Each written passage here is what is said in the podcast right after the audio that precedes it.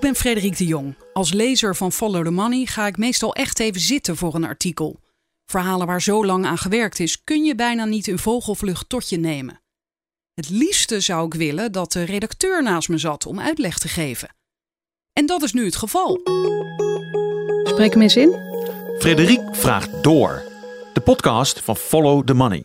I know you're gonna dig this. Jan-Hein Strop, je artikel staat online. Waar gaat het over? Het gaat over deurwaarders. Het gaat over deurwaarders die uh, prijsafspraken maken met hun opdrachtgevers, zoals overheden of grote energiebedrijven. Um, en die prijsafspraken die zijn, uh, uh, ja, in strijd met de wet. En dat zegt mevrouw Marijke Kaptein. En zij is de, de, de directeur van het Bureau Financieel Toezicht. En dat is de toezichthouder op de deurwaarders. Die moeten integriteit en kwaliteit van deurwaarders in de gaten houden. En zij is nieuw. Zij is relatief nieuw. Zij is aangetreden uh, eind 2016. En toen is BFT, zoals het heet met een afkorting, belast met dit, deze vorm van toezicht op, uh, op de deurwaarders. Uh, omdat, denk ik, de deurwaarders zelf niet echt opgewassen waren, de, opgewassen waren tegen deze taak. En jij bent niet nieuw, want je hebt al eerder voor Follow the Money geschreven en je bent weer terug. Ja, ik ben. Had je heimwee? Jaar, ja, drie jaar. Ja, een beetje wel, eerlijk gezegd. Ja. Ja, ik miste echt het, ik miste het journalistieke werk. Uh, ik heb een tijdje ondernemer geweest. Ben ik eigenlijk nog steeds wel een beetje. Maar, um, ondernemer uh, in wat? Ondernemer in uh, ja, twee dingen. In het matchen van advocaten met ondernemers via internet. Dus dat, en meer transparantie in die markt te brengen. Zodat je ja, die tarieven. Hè, dat je sneller de juiste advocaten pakken hebt tegen het juiste tarief. Dat is eigenlijk waar, waar het in de, in de basis om, om gaat. en daarnaast adviseer ik advocaten hoe ze slimmer, beter uh, met content, dus met artikelen, kunnen schrijven over de issues die voor hun klanten belangrijk zijn. En daarmee natuurlijk ook ja, uh, een, een merk beelden, klanten genereren, uh, business genereren, content marketing genoemd ook wel. Je zat helemaal in die business en toen opeens dacht je, ik mis de journalistiek. Ja, omdat je, dit, dat is een vak, als je dat eenmaal, als je dat eenmaal doet, is dat heel erg lastig om dat, om dat uit, je, uit je te krijgen. En, en uh, ik, ik blijf natuurlijk ook al, ja, ga je een tijdje iets anders doen. Je blijft kranten lezen, uh, je, blijft uh, ontwikkelingen volgen, je blijft je verwonderen over allerlei dingen, je blijft nieuwsgierig. Ehm, ja, en op een gegeven moment dan, dan kom je er ook wel achter dat dat werk belangrijk is. En zeker nu. Ik vind, ja, ik vind het belangrijk werk. En, en ik merk dat, dat ja, dat ondernemerschap leuk is. En het is heel leuk om nieuwe dingen te leren. Dan alleen een stukje schrijven. Maar dat ik me toch het liefst, zeg maar, het grootste deel van mijn hersens inzet voor, voor iets wat ik echt belangrijk vind. En toen, mocht je trouwens zomaar terugkomen? Uh, ja, ja, Erik Smit, hoofdredacteur, die, die, die, daar onderhield, onderhield ik gelukkig wel contact mee. En, en die heeft wel meerdere malen al pogingen gedaan om mij los te weken. Oh, oké. Okay. ja, nee, ik mocht terug. Ja, het waren geen hangende pootjes, gelukkig. En toen uh, zei hij, uh, buig je maar eens over de deurwaarders of kwam je daar zelf mee? Ja, nee, daar, dat, dat, is echt op mijn, uh, dat is echt op mijn pad gekomen. dat is, ja, soms gaat dat zo. Dan, dan, dan komt iets op je, op je pad en dan ga je daar onderzoek naar doen. En dan verzel je van het een en het ander. En zo ook, ook aan het bureau van mevrouw kaptein dus. Oké, okay, ik ga het lezen en dan kom ik zo bij je terug. Toezichthouder gaat perverse prijsafspraken van deurwaarders aanpakken. Dat is de titel. Veel deurwaarderskantoren maken onwettige prijsafspraken met hun opdrachtgevers. Omdat de beroepsgroep zelf geen schoon schip maakt, zal Waakhond Bureau Financieel Toezicht, BFT, binnenkort ingrijpen. Dat zegt Marijke Kaptein, directeur van het BFT, in een gesprek met Follow the Money. En ze zegt ook: de contracten zijn niet integer. There's a new boss in town. Ze heet Marijke Kaptein. Kaptein was drie jaar plaatsvervangend directeur van de Field. Mag ik je heel kort onderbreken? Ja. Dat is wel een klein detail, maar er stond eerst dus... There's a new sheriff in town. Vond ik wel een leuke. Maar dat... dat... Nou, nou dat, ze vond het... Mevrouw Kaptein... Uh... oh, zij vond het zelf niet zo Ja, leuk. ze vond het niet, ze vond het niet, niet uh, prettig omdat ze dan weer gezien wordt als uh, mevrouw de politievrouw, die weer komt opsporen. Terwijl ze ja, de, die rol op die manier niet meer heeft. Goed, nou, hebben we gehonoreerd. Er is een nieuw boss in town. Zo gaat dat. Kaptein was drie jaar plaatsvervangend directeur van de Field. Sinds de herfst van 2016 heeft ze de leiding over het Bureau Financieel Toezicht, dat in de gaten houdt of gerechtsdeurwaarders zich netjes aan de wet houden. Wat kaptein heeft aangetroffen in lopende onderzoeken is voldoende reden om law and order te willen herstellen. Voor het eerst treedt ze naar buiten met haar bevindingen. Wat haar het meest verbaasde is dat deurwaarderskantoren onwettige prijsafspraken maken met hun opdrachtgevers. En dat de Koninklijke Beroepsorganisatie van Gerechtsdeurwaarders, de KBVG, die praktijk al jarenlang gedoogt. Sterker nog, de KBVG dringt er bij kaptein op aan vooral niet in te grijpen. Ze zegt daarover: Ik krijg veel tegendruk van de KBVG, die zegt: Toezichthouder, maak pas op de plaats. Inderdaad opmerkelijk, want een toezichthouder moet juist geen pas op de plaats maken, lijkt me. Zou je zeggen, ja. ja maar dan, dan, moet je dus inderdaad weten dat, dat, die, die, die, dat BFT sinds eh, eind 2016 dus dat, eh, die bevoegdheid heeft gekregen om dat onderzoek te doen en te gaan handhaven. En daarvoor was die KBVG zelf dus, wat ik al zei, die eh, toez- eh, toezicht moest houden op die integriteit.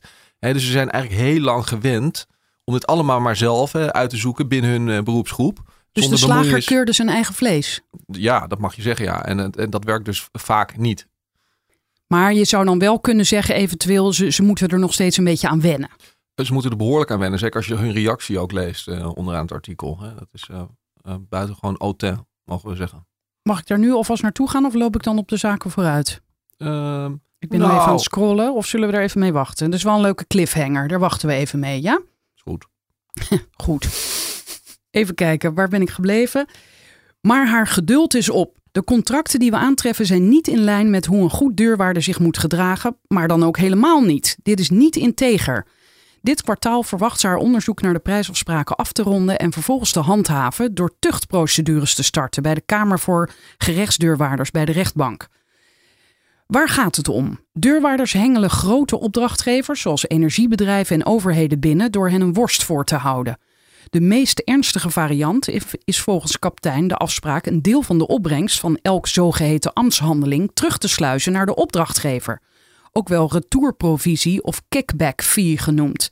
Is het handig om uit te leggen wat een ambtshandeling is? Ja hoor, Een ambtshandeling, dat zijn dus specifieke handelingen die een deurwaarder verricht om een zogeheten vonnis van de rechtbank ten uitvoer te leggen. Nou, iedereen kent het wel, het verhaal. Hè? Een, een deurwaarder die aan je deur komt en bijvoorbeeld je huisraad in beslag neemt en vervolgens verkoopt. Hè? nou, Nou, iedereen kent nou, het. Ik, ik heb dat gelukkig nog nooit Nou, meegemaakt. ik bedoel, iedereen kent het uit die, die, Het die, die, die nare verhalen van, Ja. eh, van schuldenaren die, die dat lot eh, treft, zeg maar. Hè, dus dat is echt een, een, een machtsmiddel wat, wat die deurwaarder heeft toegekend. is Toegekend, door de wet. Oké, en hij dus is ook een- gekregen. Ja, gekregen door de wet. En hij is ook een ambtenaar. Een ambtenaar in openbare dienst. Hè. Het is dus niet zomaar een soort commercieel, commerciële jongen. Het is echt een, een ambtenaar met hele eh, specifieke bevoegdheden. Hij mag staatsmacht uitoefenen. En in het kader van die staatsmacht verricht hij dus zogeheten ambtshandelingen. En dat is dus het betekenen van een, ehm, van een eh, dwangbevel. Het uitbrengen van een dagvaarding. eh, dat beslag leggen, loonbeslag leggen bijvoorbeeld bij mensen. Dat soort zaken. En daarvan mag je dus kosten in rekening brengen. En die kosten zijn ook gereguleerd. Een bepaald vast bedrag per ambtshandeling. Oké, en dan zegt kaptein over die kickback fee. We komen dat tegen in allerlei vormen en maten. We zien percentages van 20%, soms ook 40% en in één geval zelfs hoger. Ja, dus de deurwaarders die rekenen niet alleen geld voor hun eigen handeling, maar die rekenen daarbovenop iets extra's voor Nee. die opdrachtgevers? Nee, niet iets extra's. Ze moeten gewoon een, een, een deel van die ambtshandeling. Stel je voor dat het leggen van een beslag eh, kost bijvoorbeeld. ehm, eh, daarvoor geldt een tarief van 120 euro voor de schuldenaar. Die moet de schuldenaar betalen bovenop zijn schuld hè, aan de deurwaarder. En van die 120 euro tikt de deurwaarder dan bijvoorbeeld 20%, 24 euro af aan de, eh, zijn opdrachtgever. Een voorbeeld om dit te verduidelijken. Iemand heeft een openstaande rekening van 100 euro bij een energieleverancier en betaalt ook na aanmaningen niet. Namens de leverancier legt een deurwaarder vervolgens loonbeslag bij de werkgever. Dat is een zogeheten ambtshandeling, ja. Daarvoor mag de deurwaarder circa 120 euro kosten in rekening brengen bij de schuldenaar. Dat is wettelijk vastgelegd in het besluit tarieven ambtshandelingen gerechtsdeurwaarders. Voor de schuldenaar is de totale rekening nu opgelopen tot 220 euro. Daarna keert de deurwaarder niet slechts de geïnde schuld van 100 euro aan de schuldeiser uit, maar ook 24 euro extra als gevolg van een kickback van 20% op die ambtshandeling, ter waarde van 120 euro, die ze onderling hebben afgesproken. Opgeteld is de opbrengst voor de schuldeiser nu niet 100, maar 124 euro. Kassa! Snap je dat, als je dat zo leest? Ja, ik snap het. Het is een eh, goede business, lijkt me. Voor de opdrachtgever wel. Ja, Ja, precies. Die verdient dus aan de staatsmacht van de, van de deurwaarder. Jij hoeft het zelf, eh, A, niet zelf te innen. Dus dat kost hem ook geen werk, manuren. Ja, oké, maar dat, dat is niet zo gek, want daar is de deurwaarder voor. hè, Nee, oké, prima. Maar, en dan krijg je uiteindelijk niet alleen het geëiste bedrag terug, maar ook nog iets erbij. Exact. Nou, en dat, dat, dat hele fenomeen dat je verdient aan een ambtshandeling als opdrachtgever, dat, dat is gewoon heel gek. Dat, dat is vol, pas volstrekt niet in ons wettelijk stelsel. Dat is helemaal niet de bedoeling geweest van de wetgever. Maar sinds wanneer gebeurt dit al? Nou, dit, dit, schijnt al, eh, dit schijnt al echt meer dan tien jaar te gebeuren. Dat is gewoon zo ontstaan. Iemand zag dit, dit gat Nou, in de wet of zo? Nou, nee, het is eigenlijk het is, het is de, de, de deurwaarders en ook de kritische deurwaarders die, die, die dus niet willen. eh, en omstanders. Die, oh, er zijn mensen, deurwaarders, die dit niet willen. Ja, veel kleintjes vinden het echt afgrijzelijk. Die willen gewoon ethisch werken. Die, vinden, die willen dit niet. En waarom zijn alleen de kleintjes eh, ethisch? Nou, het zijn niet alleen de kleintjes, maar het zijn eh, vooral die kleintjes die, ehm, die dus niet grote beslagmachines zijn geworden. En nog gewoon oog willen hebben voor de, voor de belangen van de schuldenaar. Hè, die willen bijvoorbeeld een betalingsregeling treffen met zo iemand. Die hebben nog wel eens van- mededogen. Bedoel je? Ja, Of- maar dat moet ook. Hè? Dus dat is helemaal niet zo uitzonderlijk eigenlijk. Dat is eigenlijk wat, ze wettelijk verplicht zijn om te doen. Hè? Ze, ze horen onafhankelijk te zijn en ze horen rekening te houden met de belangen van de schuldenaar. Dus, en niet alleen met de belangen van een opdrachtgever. Maar door die marktwerking, in 2001 is een marktwerking geïntroduceerd eh, in de deurwaarderswereld. En dat betekende dat de tarieven die opdrachtgevers mogen afspreken met deurwaarders vrij zijn. eh, vrij zijn. Eh, daarvoor was dat dus niet zo. Ehm, nou, en, en, en die opdrachtgevers, met name die grote opdrachtgevers, die hebben dus heel veel invloed gekregen op die deurwaarders. En ja, weten die deurwaarders tegen elkaar uit te spelen. Ja, en een soort race to the bottom is er dus ontstaan van die tarieven. Eh, hè, dus no cure, no pay komt bijvoorbeeld ook voor. Eh, maar, en, en dus dit soort contracten, waarbij er dus zelfs een deel van de ambtshandeling, kosten van de ambtshandeling, opbrengst van de ambtshandeling, wordt terugvloeit weer naar die opdrachtgever. Hè, dus een gevolg van die marktwerking. Ja, en zijn er al officiële klachten ingediend door bijvoorbeeld die kleinere deurwaarders? Of, of is dit meer als je doorvraagt, dan zeggen ze dit? Of eh, zijn er klokkenluiders? Of wie, Ja, wie nou, heeft er dit? zijn, ja, er zijn dus, kleine, er zijn dus eh, een aantal kleine eh, deurwaarders, waarvan inderdaad een aantal ook mij natuurlijk benaderd hebben. En die hebben zich ook verenigd nu in een aparte belangenorganisatie. En die, die waren ook, iedereen is verplicht lid, iedere deurwaarder is verplicht lid van die KBVG, die Koninklijke Beroepsorganisatie. Dat moet volgens de wet. Eh, maar die voelde zich dus niet meer vertegenwoordigd door, door die club. Want die club dient vooral de belangen van de grote kantoren. En, dus die, die, die, hebben, die hebben zich afgescheiden daarvan met een eigen belangenorganisatie. En, en, die, en die vinden dus ook dat dit soort praktijken ja, eh, volstrekt onwenselijk zijn. Hoe heet die organisatie? Deurwaardersbelangen nu. Duidelijk. Dan heb jij hier een kader, daar staat boven. Wat doet een deurwaarder bij het innen van schulden? Ja, nog even ter uitleg, want ik denk dat veel mensen het fenomeen zeker kennen. Jij zei het net al, we kennen het allemaal. Maar hoe ze nou precies te werk gaan, dat heb jij hier uitgelegd. Een gerechtsdeurwaarder is een ambtenaar in openbare dienst, benoemd door de kroon. De deurwaarder heeft bijzondere wettelijke bevoegdheden om namens de schuldeiser schulden te innen na een vonnis van de rechter of na een dwangbevel. Ja, Ja. zo'n bevel komt van de koning. Ja, een dwangbevel, bijvoorbeeld de Belastingdienst, die mag bijvoorbeeld zelfstandig een dwangbevel eh, uitvaardigen. Die heeft dus geen rechter nodig om de deurwaarder aan het werk te zetten. Dus dat is echt wel wat anders dan bij civiele verhoudingen. Dus als jij inderdaad je rekening, factuur niet betaalt, hè, dan moet de rechter een vonnis vellen. En pas dan kan de deurwaarder eh, op de deur gaan kloppen eh, bij jouw schuldenaar. En zo'n dwangbevel is het uiterste middel, neem ik aan. Een dwangbevel, dat klopt. Dat, eh, en, en op basis van een dwangbevel ma- mag de, de deurwaarder er dingen doen als eh, spullen in beslag nemen en verkopen. Dus dat, gaat, dat, is, ja, dat is het eindstation. Maar de deurwaarder mag nog meer. Dat staat er overigens niet, eh, niet genoemd hier. We hebben nu de, beschreven wat de deurwaarder mag in het kader van het innen van schulden. Maar een deurwaarder heeft ook nog een rol eh, bij het eh, zogeheten procesinleiding. Dus voordat het vonnis er is. Om te zorgen dat het proces bij de rechter op gang komt. Dus als jij eh, vindt dat je nog een eh, rekening, eh, iemands rekening moet betalen. En je stapt naar de rechter. Dan moet je natuurlijk een dagvaarding uitbrengen. Nou, dit, het betekenen Wa- van... Wacht even, als je vindt dat je iemands rekening moet betalen, hoe Ja, bedoel of je? iemand jouw rekening moet betalen. Ja. Iemand betaalt jou niet. Je hebt hem aangemaand, betaalt nog steeds niet. Nou, dan moet je uiteindelijk moet je naar de rechter stappen, toch? Om je rekening betaald Ja. te krijgen. En je moet een titel halen, zoals het heet. En ehm, nou, dan, dan, dan, dan, ehm, dan eh, eh, moet de, eh, de deurwaarder, die deurwaarder, moet die dagvaarding betekenen en uitbrengen bij de schuldenaar. En dat is een taak, ja, dat is een taak van Bekendmaken eigenlijk. Want Ja, betekenen exact. vind ik ook weer zo'n mooie Ja, zo juridische dat. term. Ja, zo heet dat dan. Ja, Je, je moet melden dat er een dagvaarding is. Ja, en dan moet ook gewoon uitgereikt worden, hè, als het even kan aan de, aan, aan de schuldenaar. Ja, en jij schrijft hier dan: zo mag een deurwaarder beslag leggen op bijvoorbeeld het loon, de uitkering, het huis of de inboedel. Ook mag een deurwaarder overgaan tot executoriale verkoop van bijvoorbeeld huisraad. Dit zijn ambtshandelingen. De kosten voor deze handelingen brengt de deurwaarder in rekening bij de schuldenaar. De hoogte daarvan is wettelijk vastgesteld. In 2001 is marktwerking geïntroduceerd, waardoor vrije tariefsafspraken tussen opdrachtgever en deurwaarder mogelijk zijn. Ja, dat vertelde je net. Een deurwaarder dient vanwege zijn bijzondere positie onafhankelijk te zijn. Hij moet niet alleen de belangen dienen van zijn opdrachtgever, maar ook die van de schuldenaar. Een deurwaarder die zijn werk op een maatschappelijk verantwoorde manier wil uitvoeren, zal waar mogelijk maatwerk toepassen. Dat betekent bijvoorbeeld een betalingsregeling treffen in plaats van loonbeslag leggen. Critici, waaronder veel deurwaarders, stellen dat de marktwerking voor uitwassen heeft gezorgd die ten koste gaan van de schuldenaar. Bulkopdrachtgevers, zoals overheden, zouden de deurwaarders effectief tegen elkaar uitspelen met als gevolg dat veel deurwaarders onder de kostprijs werken. Er zou zeker bij de grote kantoren daarom geen ruimte meer zijn voor maatwerk. Ja, en wie is daar de dupe van? De schuldenaar, degene die schulden heeft. Ja, precies. Ja. Die wordt dus eigenlijk eerder harder aangepakt.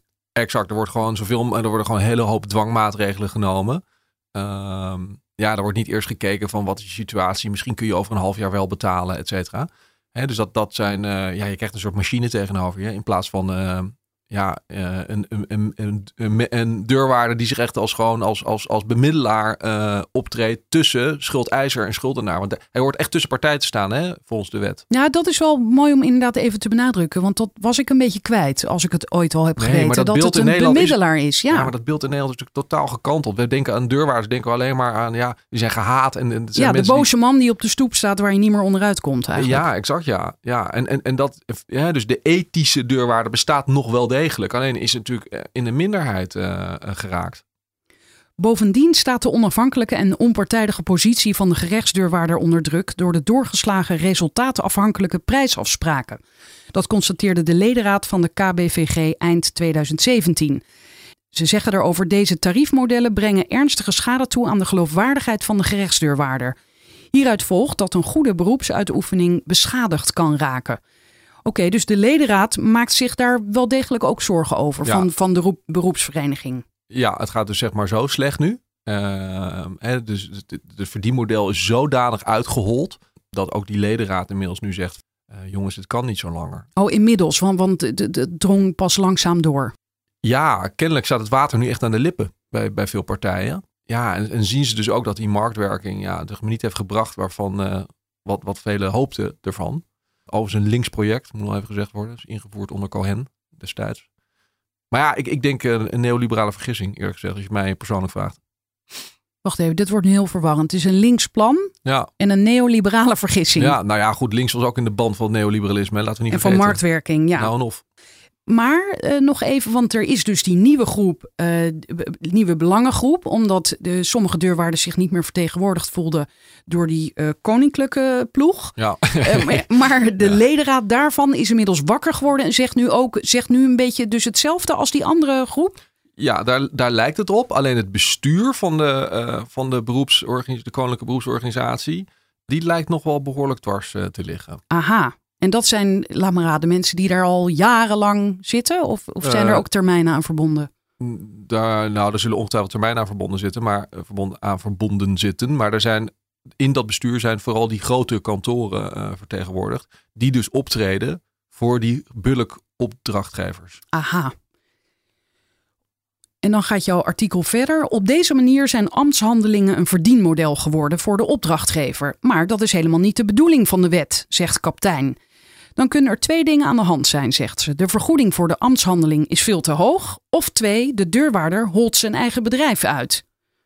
Ja, dus het klinkt logisch dat het eh, het eerste is, dat de vergoeding veel te hoog is. Eh, ja, dat, dat zou je denken, maar, maar dat, dat is zeker niet zo. Eh, die, die, die, die, die vergoedingen zijn dusdanig dat je als deurwaarder eh, ja, gewoon een bestaan kan hebben. En daar word je echt niet rijk van. Ehm, dus, dus het probleem, hè, de kapitein doelt daar dus zelf over. Het probleem zit vooral in dat, dat, eh, dat die tarieven uitgehold zijn. Ja, precies. Nee, je zegt hier inderdaad toch, kaptein doelt op het laatste, dus het Ja. uithollen van zijn eigen bedrijf door Ja. de deurwaarder. Nu het geen geheim meer is dat veel deurwaarders het financieel moeilijk hebben, dankzij die in 2001 ingevoerde marktwerking. Deurwaarders lijden vaak verlies op hun dienstverlening. Helaas zien veel deurwaarderskantoren zich genoodzaakt dit soort contracten te accepteren om zo deze belangrijke klanten te behouden. Dat schrijft deurwaarderskantoor GGN op zijn website. Onder deze omstandigheden zou een grote opdrachtgever kunnen aansturen op het verrichten van zoveel mogelijk ambtshandelingen. Daar heeft hij immers direct financieel voordeel bij. De deurwaarder die het moeilijk heeft, zal er alles aan doen om zijn opdrachtgever te behagen, zegt een deurwaarder die niet met naam genoemd wil worden. Dat is een perverse prikkel. Oh, dus mensen willen ook liever anoniem blijven. Heb je deurwaarders gesproken die zich hier wel uh, openlijk uh, over durven uitlaten? Nou, de, de voorzitter, die komt direct nog aan het woord hoor. Maar de voorzitter van die deurwaardersbelangen nu, dus die alternatieve club, die, die komt straks nog even wel wat uh, record, zoals dat zo mooi heet, in het stuk voor. maar je hebt inderdaad ook ehm, deurwaarders die, ehm, ja, die, die, die toch wel wat angstig zijn om dat soort dingen echt. Dat is een slecht teken, toch? Dat mensen dat niet hard durven zeggen. Ofwel, uh, maar niet met hun naam erbij bedoel ik. Uh, nee, nou, ik denk ook wel commercieel zal ook wel meespelen. Dat ze dus niet zo de kop van Jut willen zijn. En die, die, die mensen moeten uiteindelijk ook opdrachtgevers verwerven. En hè, die moeten uiteindelijk ook gewoon een, een business draaiende houden. Deurwaarders dienen volgens de wet juist onafhankelijk te zijn. Dat waarborgt dat ze bij hun beslissingen rekening houden met de belangen van de schuldenaar. Het zogenoemde sociaal verantwoord incasseren, een heus keurmerk, betekent dat je als deurwaarder met zo min mogelijk dwangmaatregelen schulden int. Maar onder druk van uitgeholde tarieven kan de deurwaarder nauwelijks tijd besteden aan een dossier en is hij geneigd een verlies in het ene dossier te compenseren met een extra bankbeslag in het andere. Zo kan een schuld van 100 euro nodeloos oplopen tot een veelvoud daarvan. Dezelfde dynamiek kan ontstaan als de opdrachtgever, de schuldeiser, een laag vast tarief per dossier betaalt aan de deurwaarder of zelfs niets, no cure no pay. Ook dat ziet het BFT vaak terug in zijn onderzoek. Het gevolg is wederom dat deurwaarders hun verliezen op de kale kippen, schuldenaren die geen verhaal bieden, ergens moeten goedmaken. Omdat de opdrachtgever weinig tot niets betaalt, blijft er maar één partij over om die gaten te vullen. De schuldenaar waar wel wat te halen valt. Met sociaal verantwoord incasseren heeft dit weinig te maken. Ja, dit, je bedoelt dat je meerdere opdrachten bij elkaar optelt en op die manier nog boven de streep uitkomt. Ja, kijk, een, een deurwaarder die bijvoorbeeld uh, namens een opdrachtgever uh, duizend vorderingen moet in, ik noem maar wat, hè. Uh, duizend openstaande schulden. Die, die zal niet overal verhaal kunnen halen. Hè. Sommige mensen die raken gewoon failliet, die komen in de schuldsanering. Of met, sommige mensen zijn onvindbaar, komt ook voor. En daar hebben ze allemaal wel moeite in gestopt, tijd in gestopt, kost geld. ja, daar leiden ze dan verlies op. Hè, bij No Cure No Pay. Ja. Um, hè, want ze hebben, ja, nogmaals, kost tijd. Dus, dus hoe, hoe, hoe, hoe, maak je je business case dan nog rond? Hoe verdien je alsnog genoeg geld om gewoon voor te kunnen bestaan? Nou, door uh, meer omzet te draaien bij de schuldenaren die uiteindelijk wel verhaal bieden, die uiteindelijk wel een rekening betalen. Kaptein heeft getracht afspraken te maken met de KBVG, die als publiekrechtelijke beroepsorganisatie de wettelijke plicht heeft toe te zien op het goed functioneren van haar leden. Maar dat is haar naar eigen zeggen niet gelukt. De beroepsorganisatie vindt dat ze maar moet wachten tot de nieuwe verordening grenzen tariefmodellen, regels van de KBVG omtrent prijsafspraken, totdat die er is. Oké, er komt kennelijk een verordening aan. Verordening grenzen tariefmodellen. En de KBVG zegt tegen de toezichthouder: daar moet jij maar eens even op wachten. Exact, exact. Dus ze zeggen, ze zeggen mevrouwtje, blijft u maar eens even lekker uh, zitten. Wij als KBVG gaan het eens even rustig regelen. We zijn bezig met een verordening. Die leggen we straks voor in de minister. Die gaat hem goedkeuren.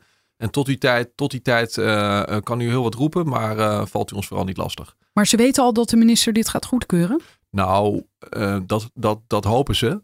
maar wat ik hoor, zowel, van, zowel van kritische deurwaarders als ook van de bevoegde instantie, is dat de huidige verordening weinig kans oh. van slagen heeft bij de minister. En dan staat hier: de KBVG dringt er bij het BFT, dus de toezichthouder, op aan om niet over de grenzen van haar toezichthoudende bevoegdheden heen te stappen en zelfstandig normen in te kleuren.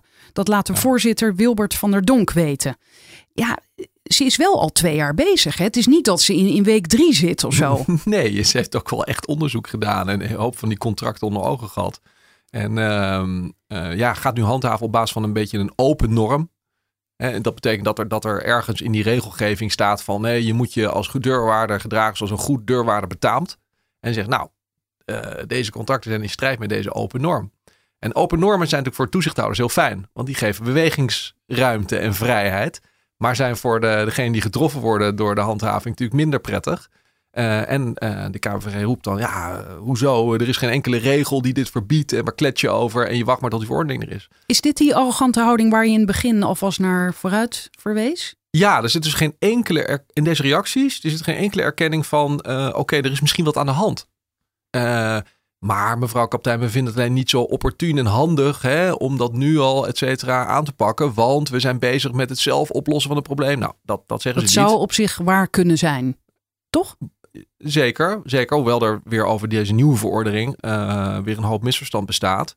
Uh, want de deurwaarders, uh, enkele grote deurwaarders die ik heb gesproken, die zeggen dat de, de verboden, de volgens BFT verboden prijsafspraken nog steeds mogelijk zijn onder de nieuwe verordening. Huh? Ja, vond ik ook een hele frappante. Maar dat zou dan betekenen dat die verordening nog niet uh, goed is opgesteld of zo. Want het, het, het, het mag niet volgens de wet, toch? Uh, nou, in ieder geval, dat is de interpretatie van. Uh, hè, het, uiteindelijk zijn het allemaal juridische interpretaties uiteindelijk. Maar hè, dus het zou goed zijn op een gegeven moment de minister zich hardop gaat uitspreken hierover. En gaat zeggen: luister. Uh, dit, dit soort type contracten zijn onwenselijk en in, in, strijd met de regelgeving. En wij verwachten dat de KBVG een verordening opstelt die in de geest van de wet. Ja, maar tot die tijd beweren dus meerdere deurwaarderskantoren, vooral de grote jongens, van hé, dat mag straks ook nog. Ja. Niks aan de hand. Nee, en dat is dus ja, dat, dat, dat gaat natuurlijk afstevenen op een, op een, op een juridische strijd. Want, want het BFT zal zeker niet veranderen van opvatting.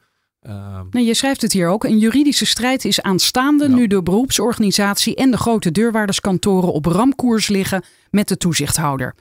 Volgens de KBVG zijn de controversiële contracten niet in strijd met de huidige regelgeving. Ja, zoals jij net zegt. En dan komt er een quote. Als het BFT nu stelt dat sprake is van een ongeoorloofde manier van contracteren, dan tast de KBVG in het duister op grond van welke normen het BFT dit meent. Vanzelfsprekend staat het BFT vrij er een bepaalde mening op na te houden, maar norm of regelgeving is er op dit moment daarvoor niet. De grote kantoren, LAVG, Van Arkel en Flanderijn, ontkennen niet kickbacks, die retourprovisies te betalen, maar stellen net als de beroepsgroep dat zulke afspraken door de beugel kunnen. Sincasso en GGN, de andere twee grote spelers, reageerden niet op vragen. Voor zulke reacties kan kaptein weinig begrip opbrengen. Ze zegt meermalen is met het bestuur van de KBVG gedeeld dat het BFT in de huidige wet en regelgeving voldoende aanknopingspunten ziet om ook in de hier bedoelde situaties handhavend op te treden. Saillant in dit verband is dat het toezicht op kwaliteit en integriteit van deurwaarders pas eind 2016 in handen is gekomen van de BFT. Voordien zag alleen de beroepsgroep zelf daarop toe. De minister had kennelijk reden om dat te veranderen. Ja, dus het is wel grappig dus dat je ziet hier dat er nog wat licht zit tussen de, de uitspraken van de KWG en uh, de BFT. Uh, als het gaat om uh, die regelgeving, die normen. De KWG zegt gewoon, mevrouw, waar heeft u het over? Er bestaan helemaal, dus, zulke regels bestaan helemaal niet. Hebben we nog nooit van u van gehoord. Terwijl mevrouw kapitein dus duidelijk zegt, nou, luister, ik heb meerdere malen met bestuur om tafel gezeten en duidelijk uitgelegd wat er in de hand is.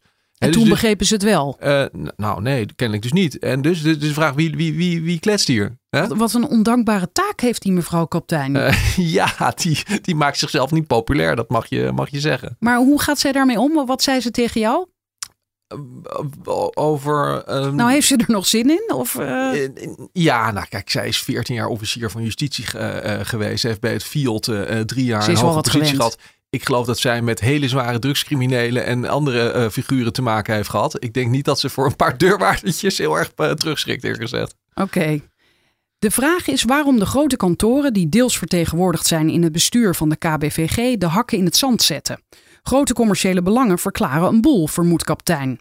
En ze zegt dan: als nu bekend wordt dat de contracten met kickbacks echt niet mogen, dan moet er met stoom en kokend water van alles gebeuren. Dan is je onderhandelingspositie ten opzichte van je opdrachtgevers tamelijk belabberd. Ja, wat zij natuurlijk bedoelt, is dat die contracten moeten worden opengebroken. Tijdens de looptijd, dus gewoon nu, binnenkort. Nou ja, dat, is, uh, dat, dat, dat, vindt, dat vindt die KVG en haar leden natuurlijk volstrekt uh, uh, onacceptabel. Dat willen ze natuurlijk echt niet. Maar Eh, sommige leden zouden daar dus blij mee zijn.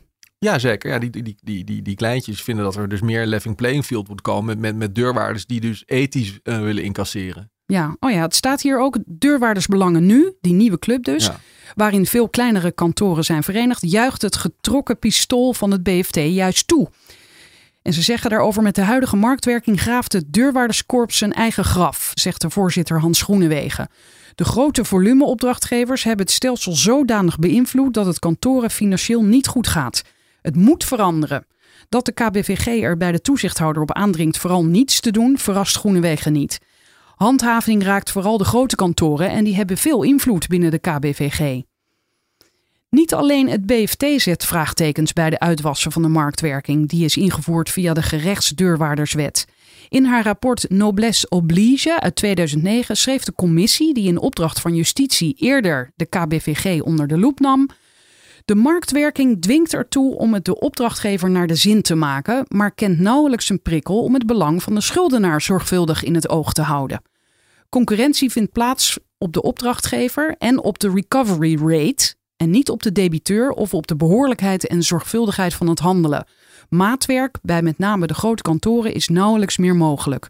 Wat is die recovery rate? Nou, de mate waarin dus de schulden daadwerkelijk geïnd worden.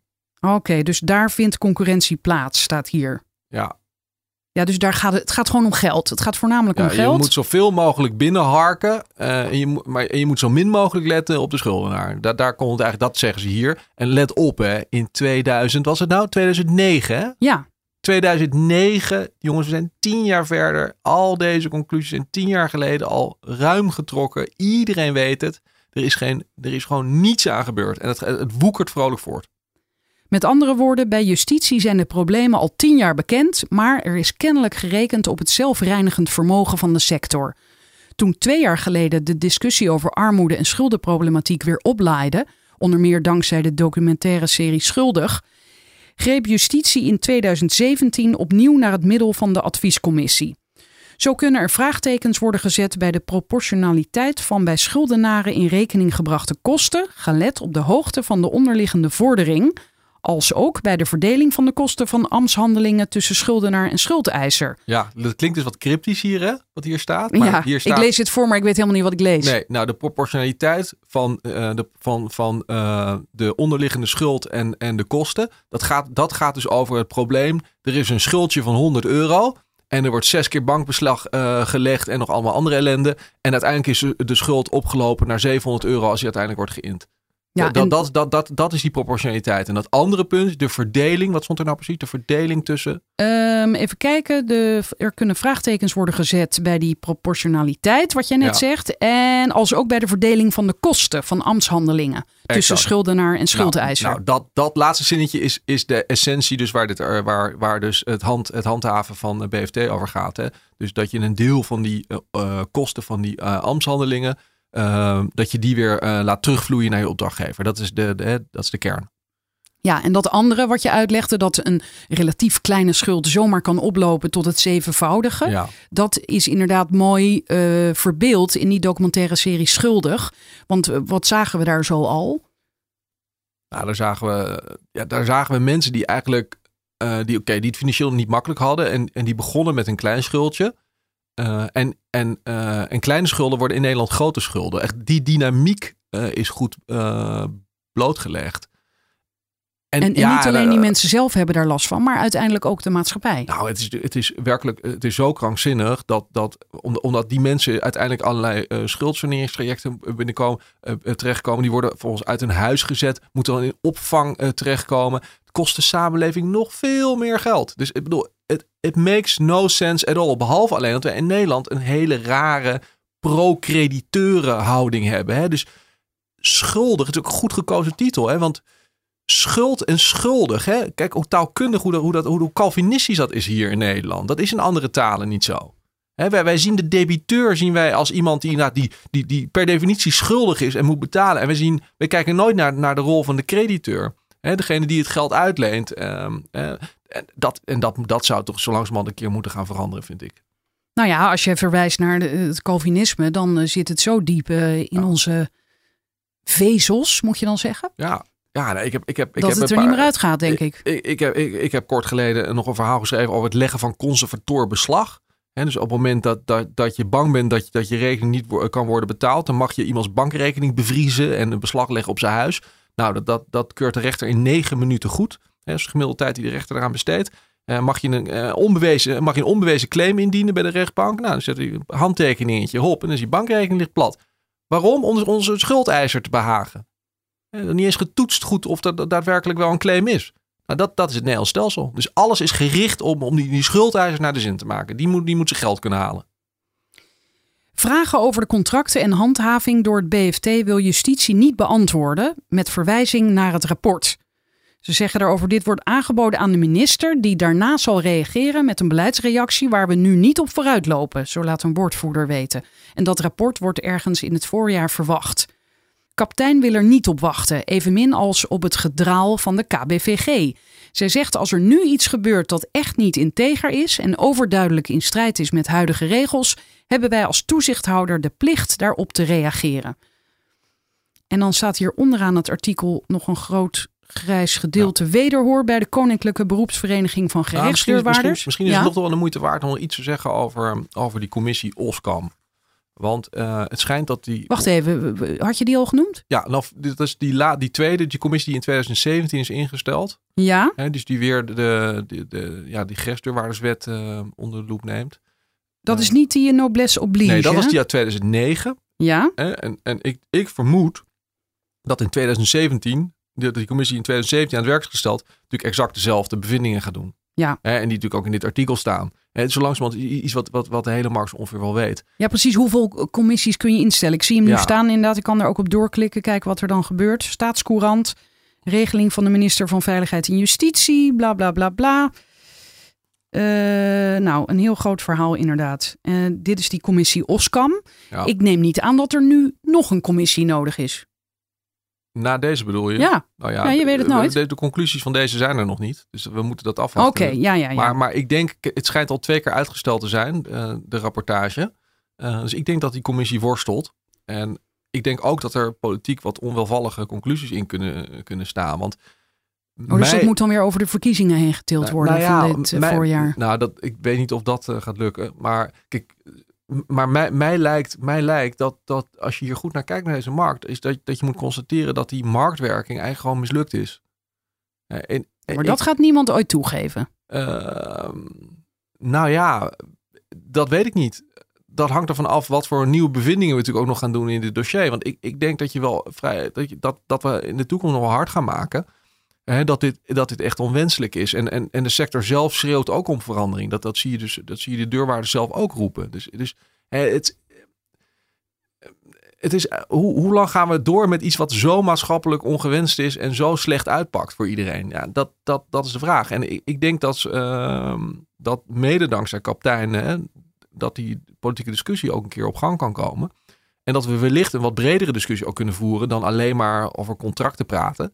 Hè, maar meer breder over de, de hele marktwerking die hier is geïntroduceerd. En of je dat überhaupt wel moet willen. Moet je marktwerking introduceren eh, bij het verrichten van dit soort ambtshandelingen? Moeten deurwaarders die gewoon ambtenaren zijn in openbare dienst blootgesteld zijn aan dit, soort- aan, aan dit soort marktdynamiek?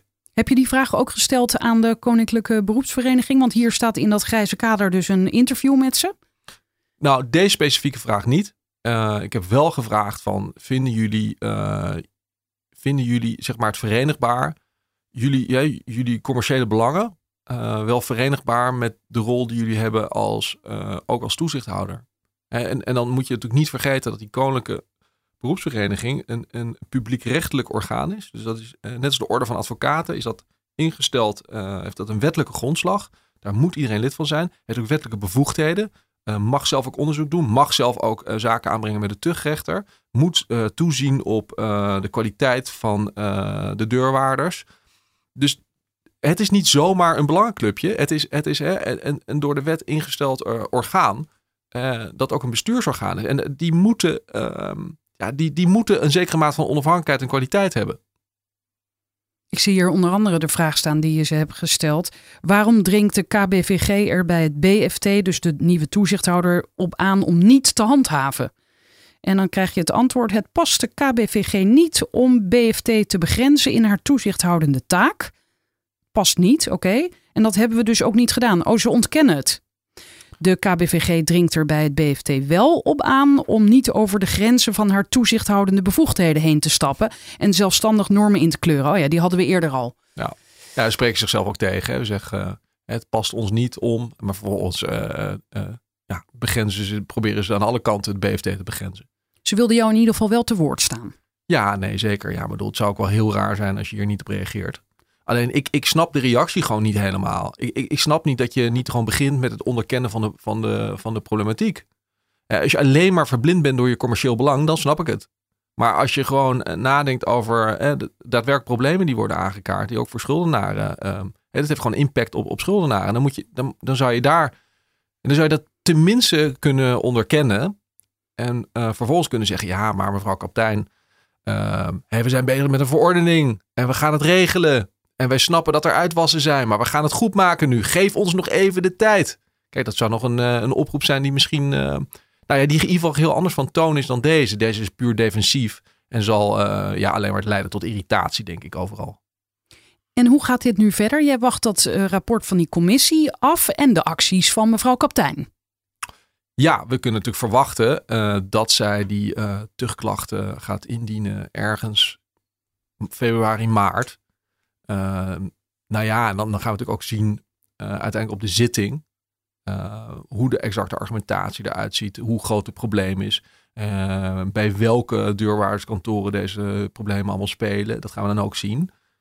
dus dat, dat, dat gaat hoe dan ook naar buiten komen. maar kijk, we kunnen wel de schuld geven natuurlijk aan de deurwaarderskantoren en de KBVG alleen maar. Uh, maar dan zijn we, dat is nog maar de helft van het verhaal. Hè. De andere helft van het verhaal zijn natuurlijk die grote opdrachtgevers. En die grote opdrachtgevers die deze markt natuurlijk flink hebben beïnvloed. Uh, ja, door die partijen goed onder druk te zetten in aanbestedingen. Uh, en prijsafspraken af te dwingen. ja, die maatschappelijk ongewend zijn. En ja, helaas te zeggen, dat zijn niet alleen private partijen die dat doen. Dat zijn helaas ook overheden.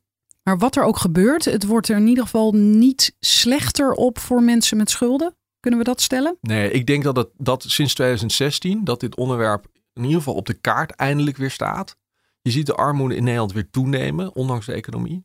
Um, ja, dat is ondanks de economische ja, vooruitgang exact, bedoel je? Exact, exact. Er is gewoon een heel groot deel van Nederland dat, dat natuurlijk niet mee profiteert. Of in ieder geval hè, in die positie blijft. Of en, en, en, en last en toenemende schulden heeft. En hoe we daarmee omgaan, dat moet gewoon duidelijk veranderen. Want het kan niet zo zijn dat, dat mensen met 200 euro schuld een, een, een jaar later uit hun huis worden gezet door de dynamiek waar dit een onderdeeltje van is. Gebeurt dit in andere landen eigenlijk niet? Weet in, je dat? In, in Duitsland uh, bijvoorbeeld uh, is, is, dit, is het volstrekt anders geregeld.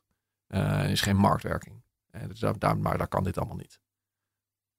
Ik heb geen uitgebreid internationaal vergelijkend onderzoek gedaan naar wat, uh, hoe dat, hoe dat, hoe dat uh, in elkaar steekt. Nee, maar goed, los daarvan, uh, het, het, lijkt erop. Nou, in ieder geval, mevrouw Kaptein wil dit ook echt gaan veranderen. En daarvoor is zij ook aangesteld. Ja, ja, ja en ik kan mij voorstellen dat zij toch een behoorlijk korte lijn heeft met het ministerie van Justitie op dit punt.